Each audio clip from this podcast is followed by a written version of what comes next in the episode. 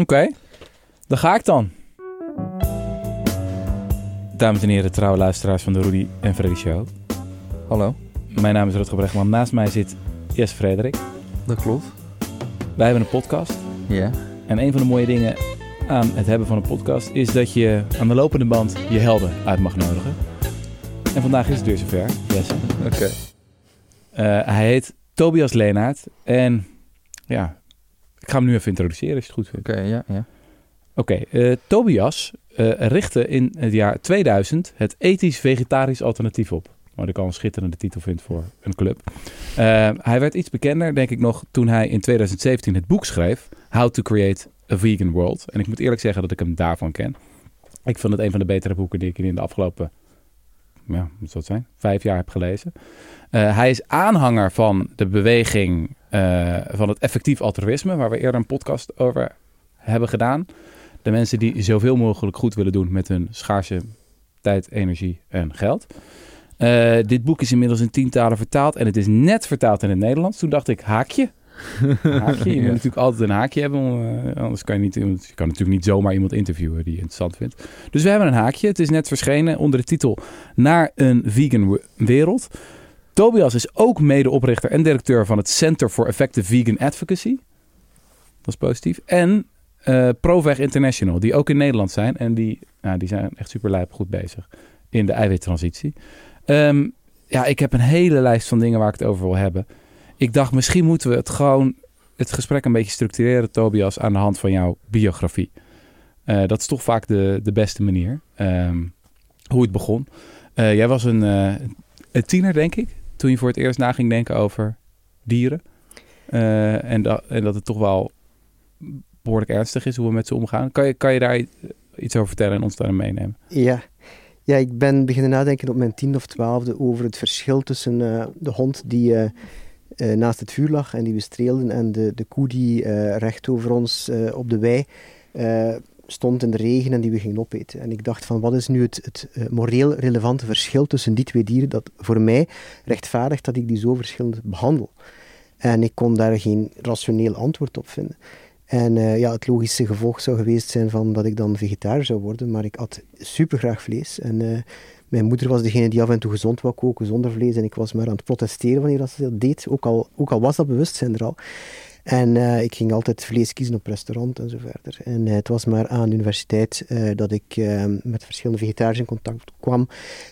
Animal Liberation heb gelezen van Pieter Singer. Dan overtuigd werd. Dan mijn thesis daarover geschreven heb. en dan daar zo door begeesterd ben geraakt door het onderwerp. En, en gezegd van hier wil ik, eh, hier wil ik mijn leven Dat was voor veel mensen in die tijd wel een heel belangrijk boek, toch? Peter Singer, Animal, Animal Liberation, ja, het is een boek van 75, Ja. maar het heeft voor heel veel mensen de ogen geopend en, en heel veel mensen echt op een eh, career path gezet. eh, ja, om, om, iets te doen aan, aan de, de, de ellende die we dieren aandoen, vooral dan eh, via vlees, via onze voeding. Is was, je eerst, was je eerst vegetariër of ging je er eerst een thesis over schrijven en heb je jezelf toen tot vegetariër nee, ik ben, ik was, toen ik aan die thesis begon, was ik vegetariër. Dan eh, ben ik later nog veganist geworden.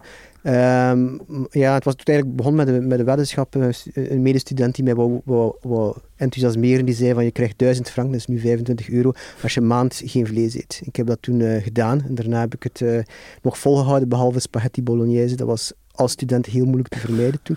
Dus dat ben ik nog blijven eten en daarna ermee gestopt, dan met vis gestopt en, en, en zo verder. Het was een stapjes voor mij. Ha, Ja. ha. En dan ben ik naar, na mijn universiteit, eh wou ik daarin werken. Er was maar één organisatie in, in België, die, die wou mij niet. Ik heb er gesolliciteerd, maar ze wouden me niet. Eh, ben ik naar de Verenigde Staten geweest om eh, zes maanden lang internships te doen in dierenrechtenorganisaties. En dan teruggekomen en een organisatie hier opgericht, in ja. België. Maar dit waren wel echt barre tijden om vegetariër of vegan te zijn. Het was niet zo toch? makkelijk. Ja, ik heb... Eh, koude tofu die je naar binnen kon. eh. ja, kijk, er was één, toen ik vegan werd, of mijn eerste poging om vegan te zijn was, eh, was mislukt. Er was één vegan kookboek in het Nederlands zonder prentjes. We hebben daar een bananentaart proberen te maken. Dat was verschrikkelijk, dat was geen succes. En dan ben ik weer vegan afgegaan en de tweede keer is het dan, is het dan wel gelukt. Ha. ja, Ha, ja. Maar veel moeilijker dan nu. Ja, dat is, ik spreek nu over 25 jaar geleden. ha. Ja. Het is wel echt heel interessant dat die argumenten eigenlijk al zo oud zijn. Hè? Mhm. Van als je Peter Singer leest. Ik heb Ja. een tijdje geleden het boek Animal Liberation gelezen. En je denkt, ja, de voorbeelden moeten ietsje anders misschien. En zeker in Europa is de situatie ietsje beter geworden. We hebben iets strengere wetgeving misschien. Als de schaal natuurlijk wel veel groter geworden. Dus in die zin is het misschien slechter geweest. Maar het is wel heel fascinerend dat eigenlijk intellectueel, inhoudelijk niet zo heel veel veranderd is, toch? Nee, er zijn, er zijn wel ja, en die, die argumenten voor dieren die gaan natuurlijk die gaan tot Pythagoras terug enzovoort. Hè, Oh ja. En Boeddha en weet ik veel. Eh, dus die, die zijn al heel oud. Er zijn natuurlijk alleen maar nieuwe argumenten bijgekomen. Een stikstofcrisis, dat, is, dat, is- dat ik tien jaar geleden niet van wist of zo. Nee, Eh, en dan klimaat en, en, en gezondheid en, en de, wereldvoedselproblematiek. Dus, dus, dus de case is alleen maar sterker maar, geworden. ja, maar de basis voor jou is altijd geweest dierenleed. Voor mij is dat het, het meest belangrijke, maar ik vind die andere dingen ook wel Ja. belangrijk. Ja. Kan je even voor de luisteraars die niet weten wat het is, uitleggen wat carnisme is? Eh, carnisme is, eigenlijk een, een, een begrip van eh Amerikaanse psycholoog eh, Melanie Joy. En zij noemt, dat, zij noemt carnisme het een, een, een, een onzichtbaar geloofssysteem dat het voor ons rechtvaardigt om bepaalde dieren te eten en andere niet te eten. Dus als wij ehm, geen honden en katten eten, maar wel ehm, varkens en kippen en koeien, dat is eigenlijk eh, carnisme. Het is eigenlijk, zij zegt van, ehm, je denkt dat er geen ideologie achter zit, achter onze manier van eten, maar er zit daar ook, je denkt dat vegetarisme en veganisme een ideologie is, maar de manier, de standaard manier van eten is eigenlijk ook een ideologie. Dat is de ideologie van het carnisme. Ja, ja. Ik vond het interessant dat zij dan zegt, al die ideologieën die werken met drie N's, eh, dat eh, het onrecht moet worden gerechtvaardigd door te zeggen, het is noodzakelijk, het is eh, natuurlijk, en het is, wat was de derde Eh, normal, normaal. Normaal, ja. Ja. ieder- ja. Dus het is normaal, iedereen doet het. ja, Nou, dat rechtvaardigt dat al een beetje van, ja, waarom zou ik dat anders moeten zijn? Het is natuurlijk, we hebben het altijd al gedaan. Weet je, als jagers en verzamelaars zaten we al op grote schaal vlees naar binnen te harken. En het is noodzakelijk. noodzakelijk. Dus voor de Eh, gezondheid zo, voor ja. onze gezondheid hebben we het gewoon nodig. Hoe komen we anders aan onze eiwitten? En Ja. zo. En ik kan dan nog van een vierde en spreken nice. Het is, het is, het is lekker. Dus dat is het, het vierde argument dat mensen natuurlijk ook gebruiken om te zeggen van daarom, daarom doe ik het. En dat is misschien nog het meest belangrijke van Ja, ja. gewoon het genot eh, ervan. Ja. ja, en zij maakt dan die vergelijking met bijvoorbeeld een beweging voor vrouwenrechten. Dat in de jaren 50 of zo ook zo werd gedacht over de rol van de vrouw in het gezin. Zo van de vrouw kan zeker niet de arbeidsmarkt op of daarvoor kan zeker niet stemmen. Want de natuurlijke rol Mhm. van de vrouw in het gezin is ja, in het huishouden, moet voor de kinderen zorgen. Dat is noodzakelijk, anders stort de, de hele boel eh, Ja, eh, in elkaar. En het is trouwens ook normaal, iedereen doet het. Dus heel vaak zijn die drie N's, die komen elke keer terug in het ook rechtvaardigen. over de slavernij bijvoorbeeld wordt ook zo gesproken. Ja, ja, precies. Ja, ja. Noodzakelijk, want Ja. anders stort de economie Economisch. in. Het is normaal, alle beschavingen in de hele geschiedenis hebben dat altijd gedaan. Eh, het, is, het is natuurlijk, het hoort nou eenmaal bij de menselijke soort dat we dit soort hiërarchieën hebben. Ja. Dus dat komt elke keer terug. Oké, vertel dan iets over van hoe dat dan verder ging. Want een van de tragedies, denk ik, van de dierenrechtenbeweging is enerzijds dat het zo oud is. Mhm. Dit gaat terug tot de moderne dierenrechtenbeweging, inderdaad tot de jaren 70, met een beetje als, als oertekst dat boek van Pieter Singer. Maar als je dan kijkt naar de resultaten, ja, hoeveel procent was vegetariër in de jaren 70? 2 procent of zo? Ja, dat zal zoiets geweest zijn. hoeveel 1%. procent was vegetariër 40 jaar later? Ja, nu zitten we toch wel aan 5 à 6 procent. Dus je kunt dan zeggen, percentueel gezien is het wel, wel goed gegroeid, maar het is nog altijd een klein deel. Ja, Ehm, dus het gaat, eh, het gaat traag. Ehm, maar ehm, ik, heb er wel, ik wel, ik heb er wel goede hoop in. Hè. En, en het, het is een, momenteel denk ik een, een soort virtue, virtueus, of hoe zeg je dat, een positieve cirkel of dynamiek tussen eh, aan de ene kant morele argumenten en aan de andere kant alternatieven. Ja. En hoe meer argumenten dat je hebt, hoe meer vragen dat er komt en hoe meer alternatieven er worden gecreëerd, hoe meer alternatieven dat er zijn, hoe makkelijker dat het wordt om die morele argumenten serieus te nemen. Omdat Ja. je dan niet veel meer te verliezen hebt, Ja. zodat je alternatieven hebt. En ben jij altijd, ben jij zeg maar van strategie veranderd in je carrière? Want je bent begonnen dus rond, wat is het, rond het jaar 2000. Ik bedoel, dat is toch al 22 jaar. Ja, Hoe, hoe was dat in de tijd om vegan te zijn? En, en hoe probeerde je ja, de veganistische wereld dichterbij te ja brengen? we, we zijn met onze organisatie hier begonnen met, met een klassieke Go Vegan eh, boodschap. En eh, eh, meer radicaal, meer ehm, eh, ja, fundamentalistisch kan je zeggen, meer zwart-wit. En dan op een bepaald moment hebben we de beslissing genomen met die organisatie om, ehm, om dan een campagne te starten. Donderdag Vegidag heette die. Dus een één, like Meatless Monday, één dag in de week eh, gaan we vra- mensen vragen om eh, geen vlees, geen vis te eten. Hmm. Ehm, dat is dan een heel pragmatische insteek geweest. Dat was niet makkelijk voor iedereen. Eh, dat was zoiets van, ja, verraden we nu ons, on- onze grondprincipes of, of, of wat dan ook. Ehm, ik denk dat die pragmatiek nodig is, zolang we ehm, een te klein draagvlak hebben en dat we te veel afhankelijk zijn van het gebruik van dieren. Zodra dat we dankzij technologie ook daarvan kunnen loskomen, denk ik wel dat we gaan minder pragmatisch zijn en, en meer uh, in your face. Je kunt eigenlijk zo zeggen van nu zijn we nog altijd heel vaak aan het spreken over, eigenlijk aan het spreken over eten, over voeding, over dieet. Uh, en dat kan gaan over gezondheid enzovoort. En ik denk dat we in een latere fase veel rechtstreeks er nog allemaal zullen kunnen spreken over dieren, over onrecht, over onrechtvaardig. Veel mensen die dat nu al doen, maar ik denk um, later op veel grotere schaal. Net zoals dat je nu vrijuit kan spreken over, over racisme zonder, zonder um, ja, daar, daar te hoeven uh, rond in te houden. Je bedoelt dat het omdat het straks makkelijker is om ja. veganist te zijn, ja. dat mensen dan ook meer openstaan voor de morele argumenten? Ja, precies. Dus dat is één ding en dat er ook meer mensen zijn hè, en dat het, dat het misschien op een bepaald moment um, uh, shameful wordt en, en, en, en, en moraal, uh, moreel uh, blamabel wordt om, om, om vlees te eten, dan kan je ook je veel explicieter daarover uiten. Hè. Hmm. Um, ja, daar juist zat ik hier op een, op een terras en er was een vrouw die last had van een bij en die, die riep de, de, de, de ober en die ober heeft die bij doodgeslagen. Hm. eh, omdat die vrouw daar last van had. En, uh, en ik zat met, met iemand anders en uh, ik heb mijn mond open gedaan. Ik zeg, mevrouw, misschien kan u zich binnenzetten. Hè? Eh, dan heeft u geen last van die bij, dan moet die bij, de volgende bij niet dood. en, en ja, ik denk, nu is daar zo nog een beetje... Ja, mijn, mijn, mijn, mijn gesprekspartner zei van, ja, ik heb daar de moed niet voor om zo'n dingen te zeggen. Hmm. Uh, hoe langer hoe meer zullen we dat wel kunnen doen. Hmm. Uh, omdat hoe langer hoe meer dat raar wordt en, en, en fout wordt. En, en dingen die nog niet fout zijn, die worden fout later. En, uh, dus ik denk, denk dat, we daar, dat we wel een evolutie gaan zien in, in de manier waarop dat we communiceren daarover. Ik denk dat voor de meeste mensen is vlees natuurlijk is het niet een soort van feature van goh wat feit dat er een beest voor is gemarteld.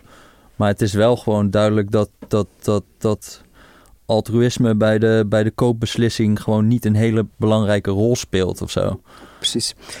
En dat is wel hoopgevend. Hè? Mensen, er zijn maar heel weinig mensen die zeggen van mijn vlees moet van een dood ja, precies. komen. Dus ik ga ervan uit van geef die mensen wat ze gewoon zijn, maar dat komt dan van cultiveerd vlees uh, of, of wat dan ook, of het is een goede plantaardige vervanger. En dan gaan we ervan uit dat ze dat zullen um, aanvaarden. Natuurlijk, er spelen nog identiteiten mee en er speelt nog tribalisme mee. En, en, en uh, dat is nu meer en meer gepolitiseerd aan het geraken, het onderwerp. En, en mensen willen geen vleesvervanger eten omdat dat iets is van de progressieve mensen enzovoort en de woke mensen. Dus, dus ja, er zit nog altijd met allemaal andere problematieken ook, die psychologisch zijn of die tussen de oren zitten. Maar, maar qua, gewoon qua smaakervaring, qua textuurervaring, denk ik dat we op den duur dat perfect zullen evenaren. Als we het dan nog goedkoper kunnen krijgen ook, als we het misschien op de duur beter zullen krijgen dan het origineel, dan, dan, dan lijkt het mij dat we daar zeker hm. Zie je dat als een gevaar ook, dat dat identitaire, dat dat heel sterk wordt? Dus dat het gewoon een soort van voedingsvorm is voor linkse elite en daarom impopulair? Meer en meer, ik zie het geassocieerd worden met, met het hele woke gebeuren vanuit, vanuit de, de, de conservatieve kant. En bijvoorbeeld, uh, ik heb gezien, ook een artikel gelezen bij de Franse presidentsverkiezing van onlangs, mm heeft elke presidentskandidaat geposeerd voor de foto met ofwel een hamburger ofwel een koe. Uh, dus die, die wouden allemaal die connectie maken van wij staan aan de kant van de boeren of wij staan aan de kant van, ja, wij eten graag vlees. En, mm het is zo'n populistisch argument, dat je krijgt daar zoveel mensen mee mee van, ik blijf vlees eten, hahaha. Mm -hmm. En uh, ja, een heel groot deel van de mensen gaat je daar nog ondersteunen, en, en ook progressieve zelfs. Uh, ja. Ik zag dat die mensen van uh, Impossible Burger of dat Impossible Foods of zo, die hadden geloof ik echt zo'n soort van reclamefilmpje waar ze bij echt een soort van echt een vleesrestaurant chef hadden ze daar uh, gewoon hun burger laten eten. En dat was echt een man die stond bekend dat hij wel eens gewoon vegetariërs zijn restaurant uit had gezet en zo, weet je wel. Ja. En dan van, nou, wat vindt u hiervan? En die was dan helemaal positief over die burger. Maar dat, toen dacht ik van, ja, daar zit wel iets in dat zij deze strategie ook kiezen. Mm -hmm. Van dat die, die man is volgens mij ook heel zelfbewust over van, ja, we gaan mensen niet overtuigen met een soort hele morele lading. We gaan gewoon een superieur product. Food, bedoel je? Ja. ja. Gaan gewoon een superieur product ja. voor een lagere prijs geven. En voor de luisteraar, Impossible Foods is een van die ja, nieuwe grote bedrijven die werkt aan een, ja. Ja, een hele lekkere plantaardige burger. Ja, die, die is al uh, in, in wat is het, Burger King of, of zo, overal uh, ja. in de Verenigde Staten te verkrijgen. Ja, en niet in Europa op de markt, omdat wij anti-GMO zijn. ja. ja, en, en te vervangen hebben ze die van de vegetarische slager hier genomen. Ja. ja. Wat mij altijd zo fascineert is die spagaat waarin veel mensen lijken te zitten. Dus een rente, recente peiling van, uh, wat is het volgens mij, TNS Nipo deed het. In ieder geval een opdracht van Proveg. Bleek dat 60% van de Nederlanders voor een verbod is op de intensieve veehouderij. Mm -hmm. We hebben peilingen gehad in de VS waar de helft van de Amerikanen zegt dat ze een verbod willen op het slachten van dieren.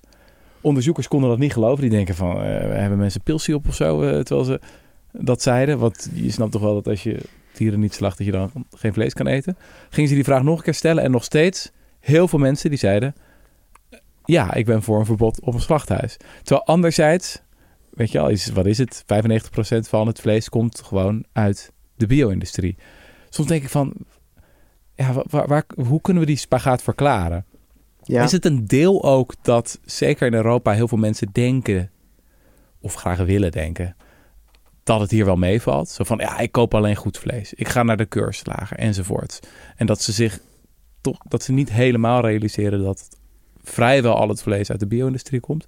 Wat, wat, wat denk jij als je dat soort ik denk dat dat dus een, een, deel van de verklaring zeker, hè, dat de mensen denken van het is zo slecht nog niet. Hè, uh, en, en, ze zien dan een paar voorbeelden van goed vlees en ze denken van het is allemaal zo. En de vleesindustrie is natuurlijk uh, zeer happig om met goede ambassadeurs naar buiten te komen die hun uh, koeien beter behandelen enzovoort.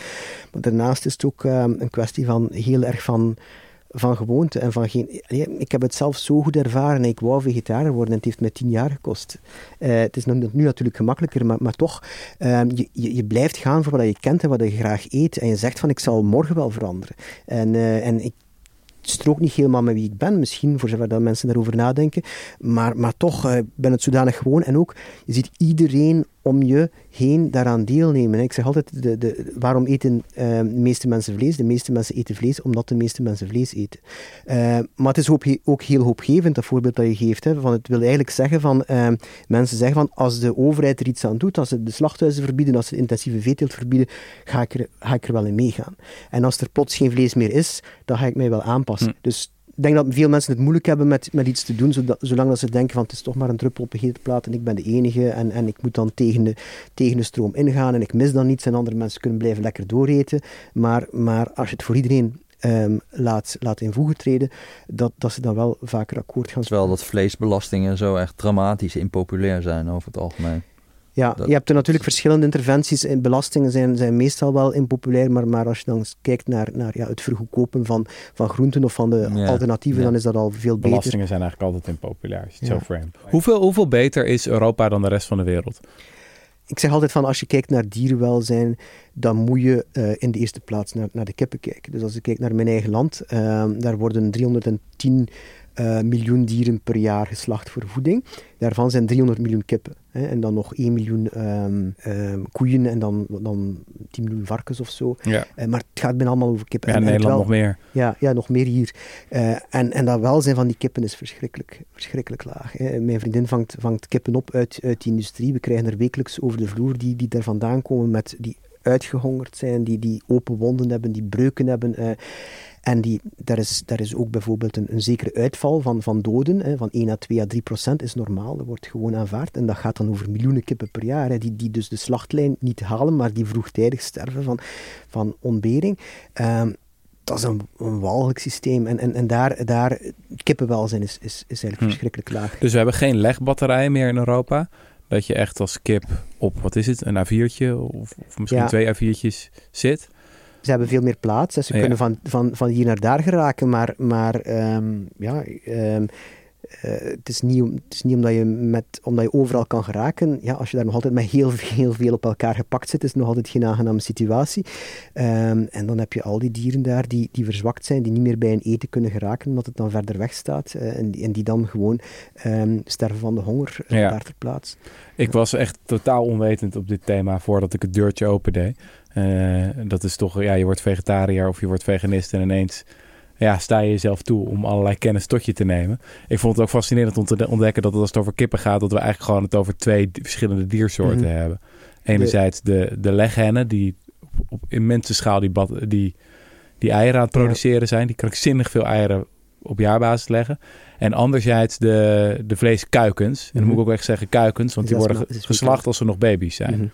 Ja, Eigenlijk in feite, het wordt zo snel mogelijk ja, ja. opgepompt in feite. En dat zijn ja, ook, ook genetisch, zijn gewoon andere, ja, bijna goed, allebei kippen, maar bij echt andere soorten. Ja, en dat is ook de reden waarom dat de haantjes uh, nog altijd gedood worden. Dat zal misschien wel veranderen door genetische screening enzovoort. Uh, Maar, ehm, Dan moet je even uitleggen, de haantjes worden maar ja, dus de, de, ehm, de mannetjes, dus als je het geslacht hebt, zoals je zegt, het geslacht van de leg, de Ja. legdieren, ehm, ja, die, wat er uit, uit de moederdieren voortkomt, één op twee zijn, zijn mannetjes, maar die mannetjes zijn niet van het ras eh, om genoeg vlees aan te zetten. Oh, ja. Ehm, dus zij zijn eigenlijk nutteloos als vleesdier. En ze leggen geen En eieren. ze leggen geen eieren, dus die Ja. worden bij dag één gedood. Restproduct. vermorzeld of, of, of zo, of vergast.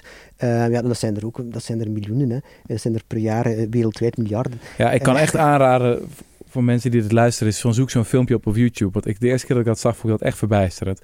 Je ziet gewoon allemaal super vrolijke, kleine, Ja. schattige gele kuikentjes. Die je zeg maar ook zo in je kinderboeken... Ja, ik zit het een beetje in deze fase dat je al die gezellige kinderboeken leest met je dochter. Maar die gaan gewoon op gigantische schaal... Ja, In de vergassing in. Ja, of, of, of in de shredder, ja. Ja, volgens mij in Nederland wordt het vrijwel alleen... Of volgens mij zelfs alleen vergast. ja. Ehm, maar goed, de schaal waarop. dit- hier zit wel een verbod op aan te komen, volgens mij. Wel ja, je kan al eh, screenen voor de geboorte en de, de, de, de haantjes wegselecteren. Ja. Nu, nu het, het, het, het, het meest perverse eraan nog is eigenlijk dat je kan afvragen van die, diegenen die onmiddellijk vermorzeld worden, die handjes, dat zijn misschien de gelukkigen. ja. Eh, die moeten niet door dat gruwelijk leven gaan van Ja, een paar ja, weken eh, en op elkaar gepakt en zo. Ja, we hebben het nu ook wat langer over kippen. Ook omdat als je naar de cijfers kijkt, Mhm. Dat is ook wel verbluffend. Ja. Eigenlijk is het grootste, of bijna het, het hele probleem gaat over kippen, toch? Wel, kippen en Ik- vissen zou ik zeggen, ja. Ja, Ik heb ze hier, de cijfers. ja. eh. Kom maar door. in, eh, in, in 1961 waren er 6,58 miljard geslachte kippen. En dat zijn er nu 72 miljard. En, eh, Wereldwijd, ja. Ja, wereldwijd, ja. Wereldwijd, ja. En, en, en, en we aten in 1961 gewoon wereldburger 2,8 kilo kip. En nu 15 kilo kip. En bijvoorbeeld rund is gewoon gelijk gebleven. Dus Ja. altijd 9 kilo gebleven. ja. Dus dat is ook eigenlijk denk ik het perverse van dat het eh, gewoon een economische afweging is. En die grote dieren zijn biologisch gewoon heel slecht toegerust om heel snel te groeien. Dus daar is gewoon een soort van fysiek limiet aan, aan hoe- hoeveel... Je moet er allemaal voer is een hele grote kostenpost. Een koe is heel inefficiënt. Je moet heel veel voer erin stoppen. En dan Ja, ze zijn, een alle beetje. beesten zijn hele inefficiënte technologie. Die alle beesten zijn gewoon de gloeilamp van de eiwitproductie, bij wijze van spreken. Beesten zijn inefficiënte technologie. Oké, dank je. Ja, Ja, maar, maar de, de kip is nog het meest in staat gebleken om, om, om, zeg maar, om die te fokken tot een niveau dat je in 30 dagen bijna op slachtgewicht krijgt. En dat, eh, want naarmate een beest langer leeft, moet er ook steeds meer van de energie die je erin stopt, gaat ook naar onderhoud. Dus bewegen, denken, Oh, spelen, ja. dat soort dingen. En terwijl voor eiwitproductie is het enige wat je nodig hebt, is groei. En zoveel mogelijk groei, dat is voor zoveel mogelijk van het voer wat je erin stopt, dat dat massa wordt. Ja, dus puur economisch gezien wil je eigenlijk een dier hebben dat zo min mogelijk onderhoud doet. Dus zo min mogelijk natuurlijk gedrag vertoont als spelen en lief en zorgen voor elkaar, bla bla bla. Want dat, dat levert niks op uiteindelijk. Ja, En je wil dat zoveel mogelijk van de energie die je erin stopt, in ja. de vorm van voedsel, dat dat ook uiteindelijk eruit komt. Ja, en dat is, bij, bij- eh, dat is bij een... eh, ja, bij een kip zit daar op een gegeven moment ook een fysiek limiet aan. Maar omdat ze gewoon kleiner zijn, zijn is het soort van eh, gunstigere verdeling al heel snel dan een rund of een varken. Ja. Waar dat gewoon altijd heel erg e- oneconomisch zal zijn. Ja. Daarom zie je ook dat die, dat die consumptie van kippen gewoon enorm is toegenomen. Omdat dat gewoon economisch het wint per kilo vlees, dus- zeg maar. En dus wat maximaal efficiënt is voor de economie, zou je kunnen zeggen. Om zoveel mogelijk winst te maken, zoveel mogelijk eten te produceren. Is ook maximaal efficiënt in termen van zoveel mogelijk dierenleed. Toch? Want Ja, want je krijgt uiteindelijk gewoon doorgefokte kippen die gewoon eh, door hun botten heen zakken. Omdat ze, omdat ze gewoon alleen maar vlees willen hebben. En niet die botten en niet, die, eh, niet dat die nog bewegen. En, eh, De borst is zodanig zwaar. eh, de, de- mensen willen kippenborst en, eh, en, en die dieren kunnen inderdaad niet meer op hun poten staan soms. Ja. Ik kan daar ook nog de, de, de dimensie milieu aan toevoegen en daar zit je soms ook met een, een, een, ehm, een slechte alignering tussen die verschillende dingen. Hè. Dus kip eh, is beter voor het milieu, eh, dus eh, dat is dan meer Mhm. geoptimaliseerd. ja, dat het had Leonardo DiCaprio ging ons op een gegeven moment uitleggen dat wij meer kip moesten eten Ja, en dat is minder rund. verschrikkelijk. Ja. Dat, dat, dat, dat is dus het, het grote probleem van als mensen switchen van rood naar wit vlees, van, van koe naar kip en vis. Dan je kunt zeggen van voor, elk, voor elke koe dat mensen eten, als je hetzelfde volume aan vlees wil, dan heb je daardoor, daarvoor 250 kippen nodig. Dus dat zijn 250 keer zoveel wezens die moeten geboren worden en sterven en die een ellendig leven krijgen. Mhm. Dus als butade zou je kunnen zeggen van als we willen vlees eten, dan moeten we walvis eten, omdat dat, eh, omdat dat zo weinig mogelijk dieren doet, omdat dat een heel groot beest is. Of dinosaurus moeten, moesten er nog zijn. Ehm, maar, maar hoe kleiner het dier dat je is dat je eet, hoe meer levens dat je natuurlijk gaat, uh, gaat Kan je ons helpen om een beetje empathie te voelen voor de kip? Want dat is denk ik iets wat veel mensen toch lastig vinden. Ja, Dat ze Ja. dan denken, zo'n kip, ja, dat is toch een beetje een dom wezen. En ja, dat is, ja, Wel, wel ik, ik weet niet wat, dat- wat dat je moet weten of denken over een dier om er ehm, empathie voor te hebben. Van, als, ik die dieren bij ons zie binnenkomen. hè. Ik had onlangs een foto gepost van een dier, een kip. eh, mijn vriendin had zo vast en eh, die zag er meer levend dan dood uit. En aan haar poten had die eh, gestolde mest en weet ik veel. En die, zat, die had vastgezeten in een draad ergens in, in, in zo'n hangaar. Die kon niet weg, die kon niet lopen en die kon niet op haar poten staan omdat, die, omdat er aan elke klauw zo'n modderballetje hing. Ehm, dus die is gewassen en die is er dan doorgekomen enzovoort. En, en ik kan me gewoon inbeelden van, oké, dat, dat dier zit daar vast, dat kan niet meer eten, dat zit daar gewoon af te zien, te lijden, ehm, te verhongeren. Dan moet je gewoon kunnen zeggen van, ik zou niet graag in de plaats van die kip zijn en daar zitten verhongeren. En daar zijn niet veel cognitieve capaciteiten voor nodig om dat te ervaren als iets slechts. Hè. Daar, daar moet een kip niet voor kunnen tellen. Of geen, geen, ze kunnen van alles, hè. Maar, maar de basis is gewoon van, kunnen zij heel negatieve ervaringen hebben? En het antwoord daarop is, is heel duidelijk ja. En ik denk dat we dat als mensen heel makkelijk kunnen herkennen ook. Meer is eigenlijk niet nodig. En meer, meer dan, dan zeggen van, ik wil niet in zijn plaats zijn op dit moment. Ik zou niet willen incarneren als, als dat dier. Dat is eigenlijk genoeg. Eh, en dat is gewoon dan misschien de gulden regel of wat dan ook. En, en ik denk dat we daar... Dat je al een hele grote botterik moet zijn om, om, om dat niet te zien. Hoeft toepassen ook- is nog iets anders, maar het zien... Je hoeft ook heel weinig te antropomorfiseren Ja. om het een verschrikkelijke misdaad te zijn. En als je zegt van het is nul, het is eigenlijk elk positief cijfer wat je plakt aan een kippenleven, bijna, dat, dat resulteert al door de schaal ervan 72 miljard eh, geslachte eh, eh, kippen per jaar. Ja, Nou, al zou het 0,001% van de mensenleven waard zijn, Ja. dan is het nog steeds krankzinnig veel. En je kan dat ook op een andere manier doen. Je kan zeggen van, oké, stel nu dat de belangen van een kip kleiner zijn hè, dan Ja. die van mensen. Oké, dat, is, dat is helemaal oké voor mij. Maar hoeveel kleiner moeten ze zijn om te zeggen dat de waarde van het leven en, en, en de foltering van die kip, dat die waarde, dat dat kleiner is dan mijn genotswaarde van, van die kip, eh, ja, ik Eet. eet die op in een half uurtje of zo, of in, in tien minuten. Ik heb daar tien minuten genot van. Dat staat toch compleet niet in verhouding tot het leven en het leed van, van dat dier. Dus je Nee. moet het al veel, je moet de mens al, al duizend, al miljoenen keer hoger zetten om, om tot, een, tot een balans te komen eigenlijk. En hoe zie jij dan, eh, want je bent dan al heel lang activist en je hebt denk ik vaak zo'n moreel appel gedaan. Maar eh, ja, eigenlijk zie je dus inderdaad wel die vleesconsumptie alleen maar toenemen. Heb je daarin ook je strategie veranderd dat het gewoon, ja, dat, dat je ziet eigenlijk misschien dat het meer zoden aan de dijk zet. Inderdaad, dat zo'n Impossible Foods en zo'n Beyond Meat en zo'n vegetarische slager Ja, nu opkomen. de wereldconsumptie stijgt wereldwijd. In Nederland, België en een aantal landen is ze wel aan het, aan het stagneren. Ja, ja, ja, precies. Eh, maar inderdaad, eh, ik heb me altijd de vraag gesteld van, van ehm, wat is de kracht van morele argumenten? En vanaf het begin af aan heb je daar... wel, niet van het begin van aan, ja, een beetje later ben ik met die vraag beginnen stellen. Ehm, en en als, als je activist bent en je bent met die morele verhalen eh, eigenlijk eh, je activisme begonnen, dan, dan, dan stel je die vraag zelf niet. Dan denk je gewoon, dat zijn de krachtigste argumenten die er zijn. Ehm, tot als je ziet van dat, dat, dat dat niet bij iedereen werkt, dat het soms averechts werkt, hè, dat je met morele argumenten soms... We weten uit onderzoek, als iemand zegt van eh, ik ben vegetariër uit gezondheidsreden, dat mensen zeggen van ah, is oké. Eh, en als ze zeggen van ik ben vegetariër uit eh, dierenreden, dat, dat dat weerstand opwerkt. Hm. Waarom? Ehm, omdat als ik zeg ik ben vegetariër of veganist, ehm, dan zeg ik eigenlijk van ik doe iets wat, wat ik goed vind. En, als, en die mensen voelen van oké, ik doe dit niet, dus misschien ben ik wel geen, geen goed mens. Maar er zijn ook, ehm, dat is wat ik in mijn, in mijn boek dan zeg, van kijk, als we nu kunnen zorgen dat mensen een gedrag veranderen, doordat er gewoon overal opties zijn die goed zijn en goedkoop zijn enzovoort, door die gedragsverandering die eerst kan komen, zullen de morele argumenten dan makkelijker ingang vinden. Ja. Je kan dat op grote schaal ook zo zien, bijvoorbeeld de, de cultured meat of de clean meat, ehm, dat fenomeen. Kweekvlees. Ja. Ja, Mhm. kweekvlees. Eh, dat zou de, de eh, technologische revolutie kunnen zijn die de morele revolutie inluidt. Mhm. Ehm, zo zou het denk ik kunnen gaan. Je citeert in het boek, eh, citeer je veel uit een ouder boek van Sal Alinsky. Dat was zo'n radicale activist in de jaren 60, 70 in Amerika. Beetje zo'n community eh, organizer die allemaal protesten opzette. Eh, en een van zijn citaten die je aanhaalt is... With very rare exceptions, the right things are done for the wrong reasons. Mhm. We doen meestal de goede dingen om de verkeerde redenen. Mhm. Het kan om allerlei redenen gebeuren en, en ik zou willen dat activisten aanvaarden dat mensen dingen doen om de verkeerde reden, om, om, om redenen die zij als die de activisten als verkeerd Ja. zien.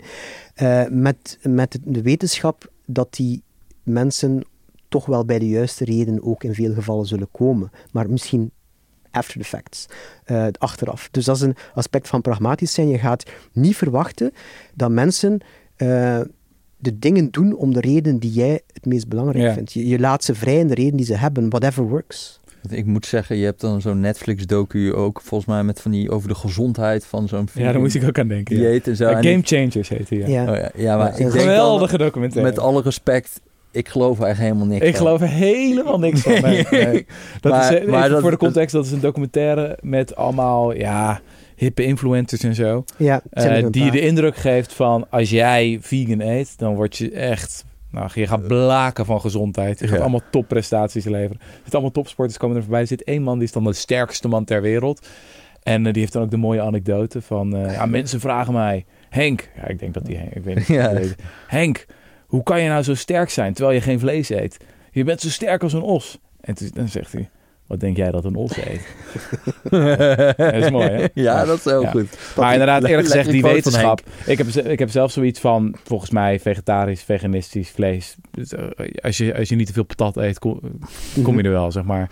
Eh, Of is, zit daar iets in, in die gezondheid? geloof jij iets in de gezondheidsclaims? Of? Ik, ik geloof dat, eh, dat, dat er ehm, zeker argumenten zijn om, om te zeggen van je verlaagt je risico bepaalde ehm Rood aandoeningen. vlees is dat dan? Ah, Ja, rood vlees. Eh, maar maar er, zijn, er zitten ongetwijfeld wel een aantal minder goede dingen in, in, in, in alle soorten van vlees, maar er zitten ook wel positieve dingen in, dus het kan, kan een beetje alle kanten uit. Ik denk dat het, het belangrijkste dat je moet kunnen aantonen, en dat is denk ik wel aangetoond, is we kunnen zonder, zonder Ja, die precies. producten. Ja, precies. Maar die documentaire is zo geniaal, want daar proberen ze ook een helemaal een masculine vibe te geven aan het veganisme. Dus het zijn allemaal ontzettend gespierde kerels die van die plantaardige burrito's naar binnen aan het schuiven zijn. Ja. En er zit één, dat is echt het hoogtepunt van de documentaire. Och, toen zat ik zo te Dat genieten op de Henk? bank.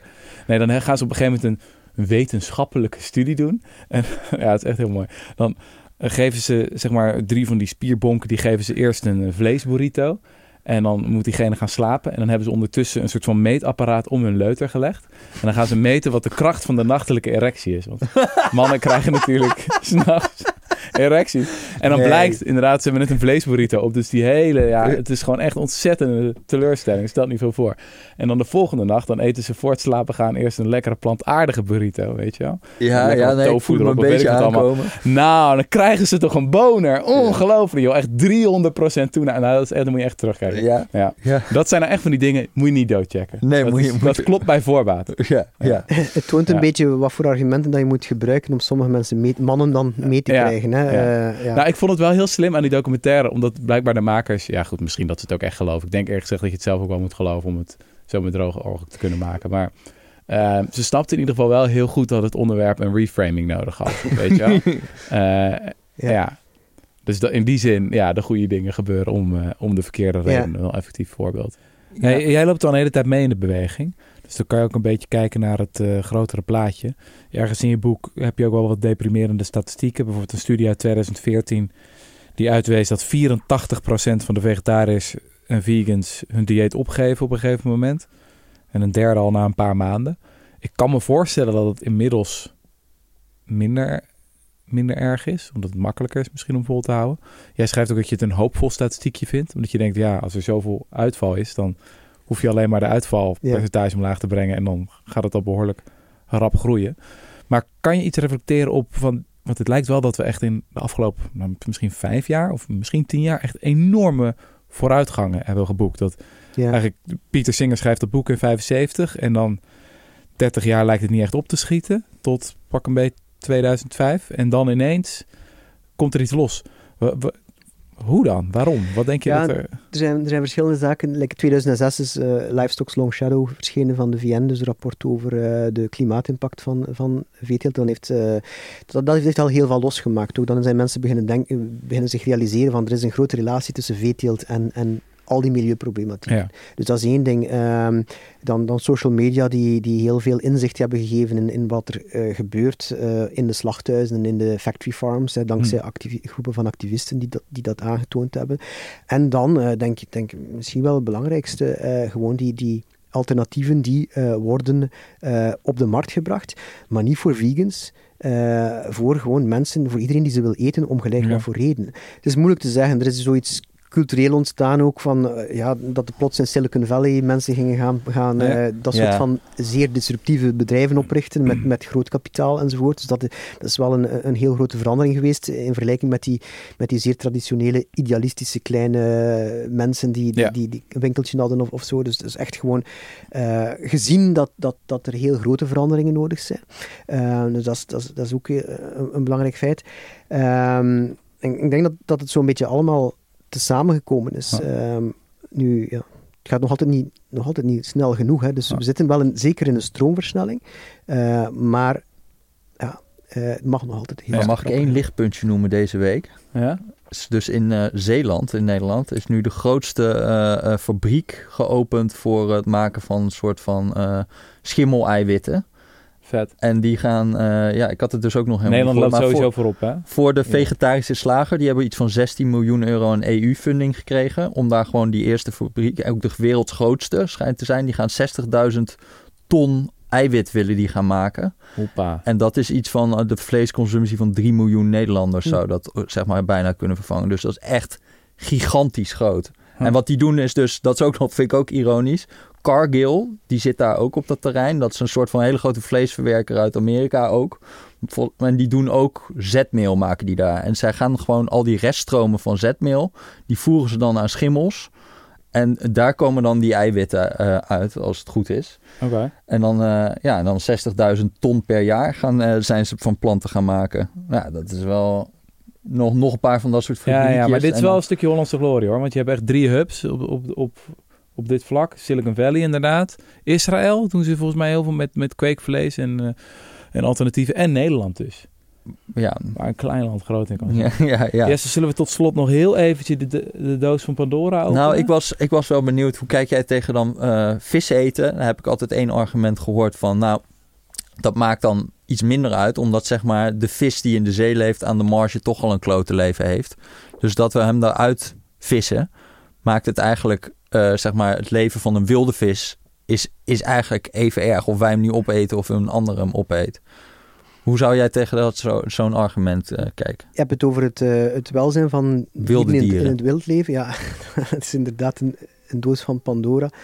Die, die een heel eh, intellectueel en filosofisch interessante uitdaging is. Veel interessanter dan de domesticeerde dieren, vind ik. En ik zit daar ook mee in, met dat leed. Ehm, en ik denk dat ehm, leed leed is, wat het ook de oorzaak is. Hè? Dus als je nu een konijn bent die door een jager gevangen wordt, of een konijn die door een ander dier wordt gevangen. Of een bij die wordt doodgeslagen op het terras.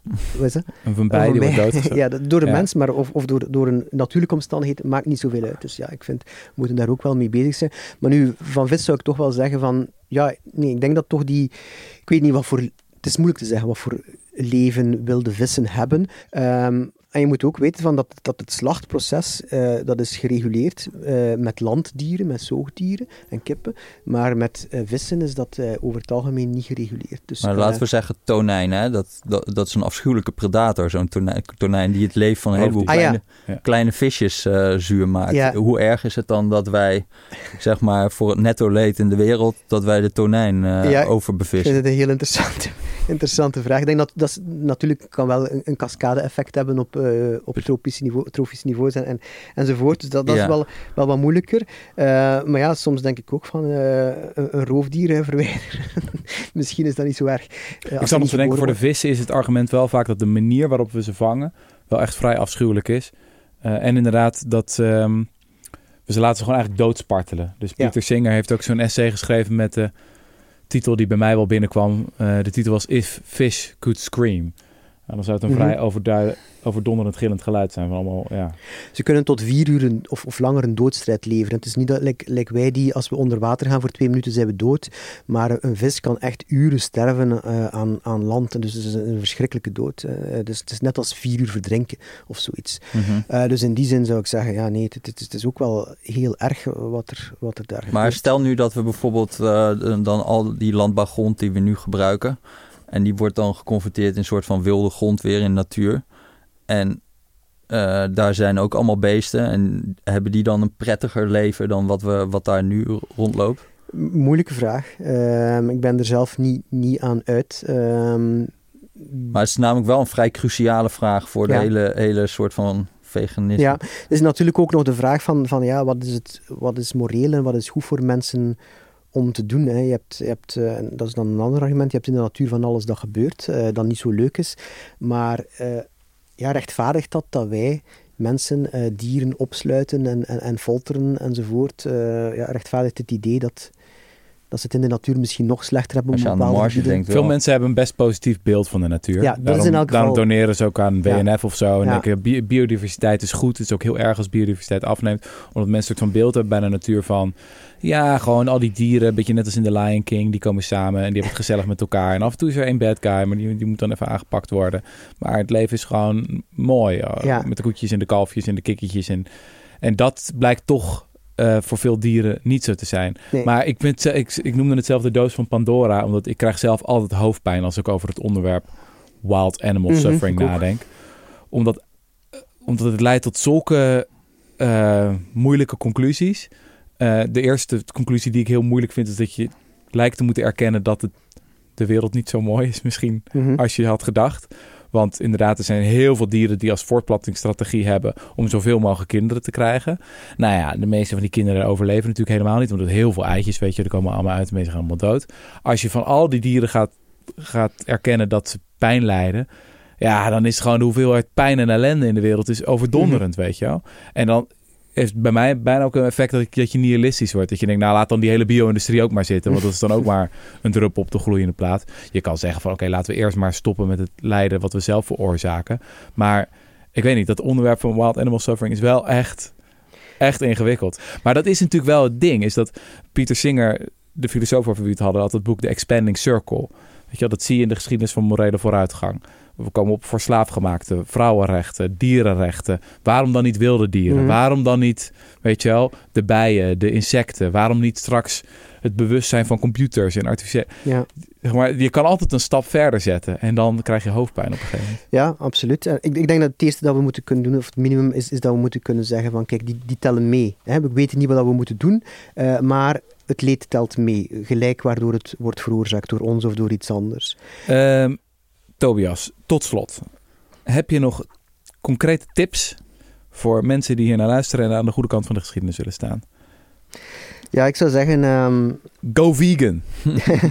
ehm, als dat niet gemakkelijk is, als dat niet lukt, go vegan, hè, dan, dan jezelf een uitdaging geven van meedoen aan Veganuary of, of eh, Try Vegan of, of de Ja. Veggie Challenge. Er zijn zo'n aantal programma's waar dat je een maand lang dat doet, kijken wat het met je doet eh, en het probeert vol te houden en, en, en, en dan na een paar weken misschien een andere gewoonte Ja. hebt. Eh, dus dat, dat lijkt mij iets, iets heel belangrijks. En daarnaast ook niet denken dat je, ehm, als je geen vegan bent, of als je geen consequente vegan bent, of zelfs vegetariër, niet denken dat je dan niks mag zeggen of, of kan goed doen voor dieren. Je kan dan ook nog altijd zelf verminderen en ook pleiten naar andere mensen toe voor vermindering. En, en die, je, hebt geen, je moet zelf niet volgens mij perfect zijn om een boodschap te kunnen verspreiden. Mhm. Val me op dat je niet de optie doneren noemt.